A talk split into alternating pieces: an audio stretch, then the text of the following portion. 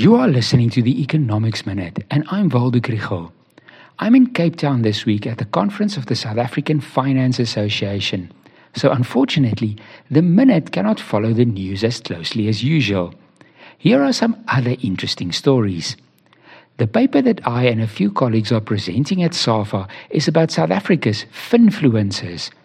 They are so called influencers on TikTok who give financial advice we look at how their advice matched or differed from the principles of economics textbooks and self help finance books.